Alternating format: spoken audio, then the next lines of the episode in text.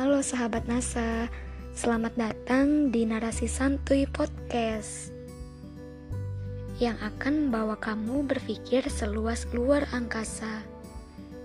Pastinya bersama aku, Rahma, lagi dan lagi. Hehehe.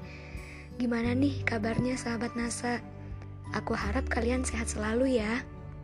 Di episode kali ini, aku mau sharing-sharing mengenai pendalaman administrasi penyuluhan. Di episode pertama, kita sudah membahas tentang administrasi. Kalian pasti udah paham tentang administrasi. Nah, kalau administrasi penyuluhan apa sih? Sebelumnya, kalian tahu nggak penyuluhan itu apa? Penyuluhan berasal dari kata suluh yang berarti penerangan atau terang, yakni pemberi terang dalam kegelapan untuk menolong seseorang menuju jalannya. Penyuluhan merupakan upaya perubahan perilaku manusia yang dilakukan melalui pendekatan edukatif. Pendekatan edukatif diartikan sebagai rangkaian kegiatan yang dilakukan secara sistematik, terencana, dan terarah dengan peran serta aktif individu, kelompok, atau masyarakat untuk memecahkan masalah dengan memperhitungkan faktor sosial, ekonomi, dan budaya setempat. Penyuluhan ini bersifat pendidikan non formal untuk individu atau kelompok masyarakat yang dilakukan secara sistematik, terencana, dan terarah dalam usaha perubahan perilaku yang berkelanjutan demi tercapainya peningkatan produksi, pendapatan, dan perbaikan kesejahteraan. Untuk melakukan penyuluhan, tentu ada proses atau alurnya banyak sekali alur atau proses penyuluhan menurut para ahli. Di antaranya, menurut Taylor, alur atau proses penyuluhan yang pertama adalah pengenalan dan analisis keadaan, yang kedua penetapan tujuan program, yang ketiga penetapan alternatif kegiatan, yang keempat penetapan kegiatan terpilih, dan yang terakhir yang kelima pelaksanaan kegiatan. Menurut Raudabak ada lima alur atau proses penyuluhan, yaitu yang pertama perumusan rencana kegiatan, yang kedua penetapan rencana kegiatan, yang ketiga rincian perkembangan pelaksanaan kegiatan, yang keempat identifikasi masalah-masalah, dan yang kelima rincian tujuan-tujuan. Adapun menurut Bill dan Bahran ada tiga alur atau proses penyuluhan yaitu ada inisiasi, legitimasi, dan yang terakhir aksi atau perencanaan. Yang pertama, inisiasi. Terdiri dari analisis keadaan, pengumpulan masalah dan ide, dan pengajuan usulan-usulan. Yang kedua, ada legitimasi yang terdiri dari proses persetujuan. Dan yang terakhir, yang ketiga ada aksi atau perencanaan yang terdiri dari perembasan ide, perumusan kebutuhan, kesepakatan untuk bertindak, pemantapan tujuan dan rencana kegiatan, mobilisasi sumber daya, penyebarluasan program, dan penahapan dan evaluasi kegiatan. Umumnya, alur atau proses penyuluhan yaitu ada tiga, perencanaan, pelaksanaan, dan pelaporan. Secara jelasnya, alur atau proses penyuluhan yaitu ada persiapan, need assessment, merumuskan tujuan atau LO dan rencana kegiatan, selanjutnya pelaksanaan, dan yang terakhir pelaporan, evaluasi, dan rekonsiderasi. Pada tahap persiapan itu ada pendekatan, perizinan, sosialisasi, penggalian data, dan kajian wilayah awal. Pada tahap need assessment itu ada analisis kebutuhan kasar atau khalayak sasaran, ada identifikasi atau survei, terus ada karakteristik khalayak sasaran, dan evaluasi awal. Selanjutnya pada tahap pelaksanaan itu ada komunikasi, edukasi, fasilitasi, advokasi, monitoring, dan evaluasi proses. Yang terakhir ada pelaporan, evaluasi, dan rekonsiderasi.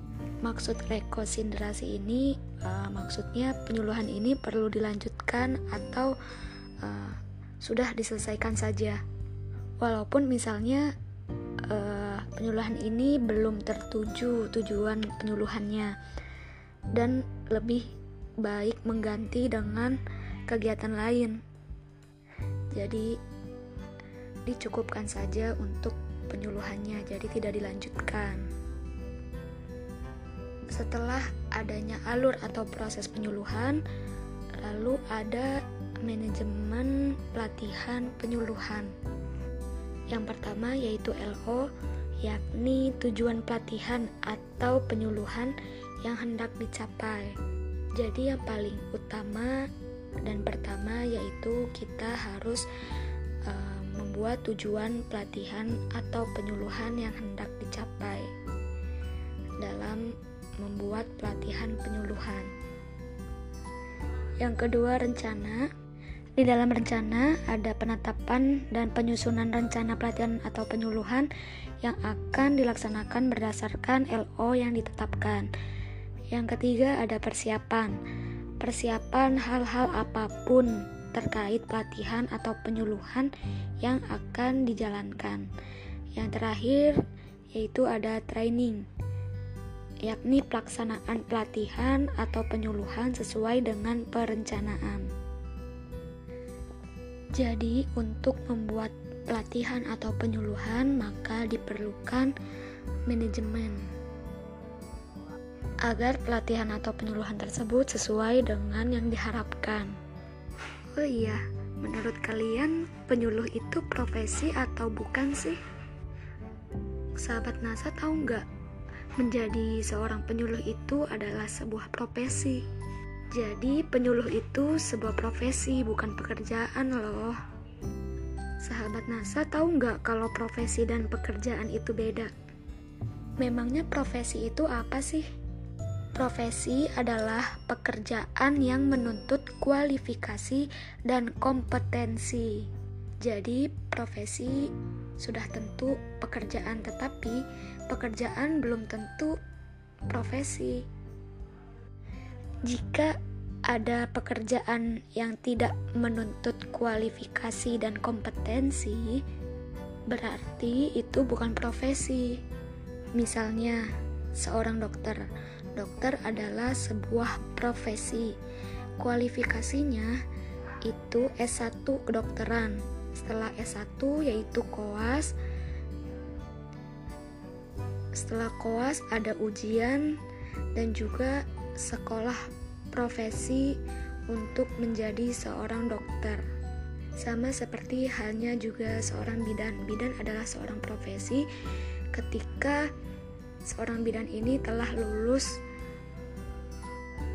sekolah profesi kebidanan. Biasanya untuk bidan ini itu kualifikasinya D4, setelah D4 satu tahun sekolah profesi. Kualifikasi ini berbicara latar belakang pendidikan dan keilmuan, sedangkan kompetensi adalah kemampuan. Lalu kualifikasi penyuluh agama itu apa?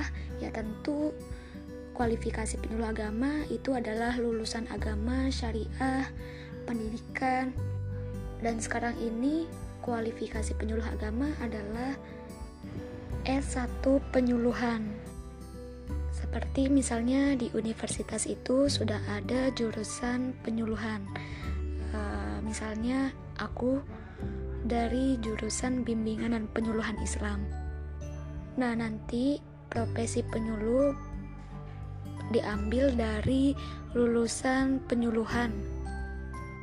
Jadi, mungkin nanti persyaratan menjadi seorang penyuluh itu dari lulusan penyuluhan seperti BPI bukan lagi diambil dari jurusan atau lulusan seperti syariah, pendidikan, dan agama. Di Indonesia ada beberapa macam penyuluh, yaitu ada penyuluh agama, penyuluh sosial, penyuluh pertanian, penyuluh kesehatan, dan penyuluh lainnya. Kali ini aku akan membahas penyuluh agama. Karena aku sendiri adalah seorang mahasiswa bimbingan penyuluhan Islam.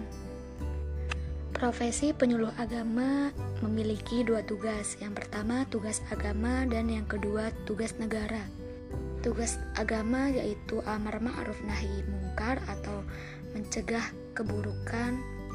Yang kedua, tugas negara yaitu melakukan bimbingan dan penyuluhan agama serta konsultasi dan pembangunan melalui bahasa agama. Amar ma'ruf nahi mungkar ini kan biasanya sering dilakukan oleh seorang ustaz atau ustazah apakah ustadz atau ustazah itu bisa dikatakan sebagai penyuluh agama? Tentu jawabannya tidak, sahabat NASA. Karena ustadz ustazah ini hanya menjalankan tugas agama, tidak menjalankan tugas negara. Karena tugas penyuluh agama yaitu tugas agama dan tugas negara. Seorang ustadz atau ustazah belum tentu dikatakan seorang penyuluh agama, sedangkan penyuluh agama tentu seorang ustadz atau ustazah. Ada dua tipe penyuluh agama, yaitu penyuluh agama terampil dan penyuluh agama ahli. Lalu, apa sih peran dan fungsi penyuluh agama? Peran penyuluh agama yaitu sebagai komunikator dan edukator, fasilitator, motivator, inisiator, dan stabilisator. Lalu fungsi penyuluh agama yaitu informatif dan edukatif, konsultatif, dan advokatif. Tugas seorang penyuluh yaitu membuat masyarakat atau sasaran yang disuluh menjadi tahu, mau, dan mampu. Evaluasi penyuluh agama yaitu ada evaluasi program, evaluasi proses, dan evaluasi hasil. Evaluasi program yakni penilaian terhadap program bimbingan dan penyuluhan agama meliputi aspek administrasi kelembagaan atau kelompok binaan, tenaga teknis keagamaan, jamaah, sarpras, dan kurikulum. Sedangkan evaluasi proses meliputi penilaian terhadap pelaksanaan tugas individu atau kelompok, terutama terkait disiplin dan upaya yang dilakukan jamaah dalam kegiatan bimbingan dan penyuluhan agama. Lalu evaluasi hasil yakni meliputi upaya pengumpulan informasi untuk mengetahui efektivitas dan efisiensi kegiatan yang dilakukan dengan melihat tingkat pengetahuan dan kemampuan yang dicapai jamaah pada setiap jangka waktu tertentu. Mungkin itu saja yang bisa saya bagikan mengenai administrasi penyuluhan. Semoga bermanfaat. Mohon maaf jika ada kekurangan dan kesalahan. Sampai bertemu di pekan selanjutnya, ya. Bye.